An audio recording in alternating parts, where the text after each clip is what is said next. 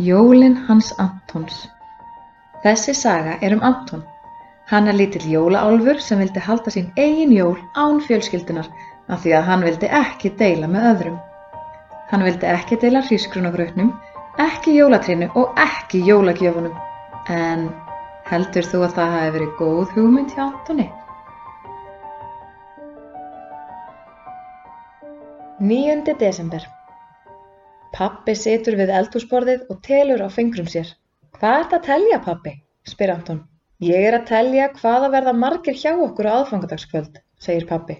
Ég verð að finna tré sem er passlega stórt til að við getum gengið í kringum það og sungið jólalögin. Já, þú manst að telja mig ekki með af því að ég ætla að halda jólin í kofanum í skóginum, segir Anton. Pappi hrukkar ennið. Mm, mér finnst nú að þú er að halda jólin með okkur, segir hann.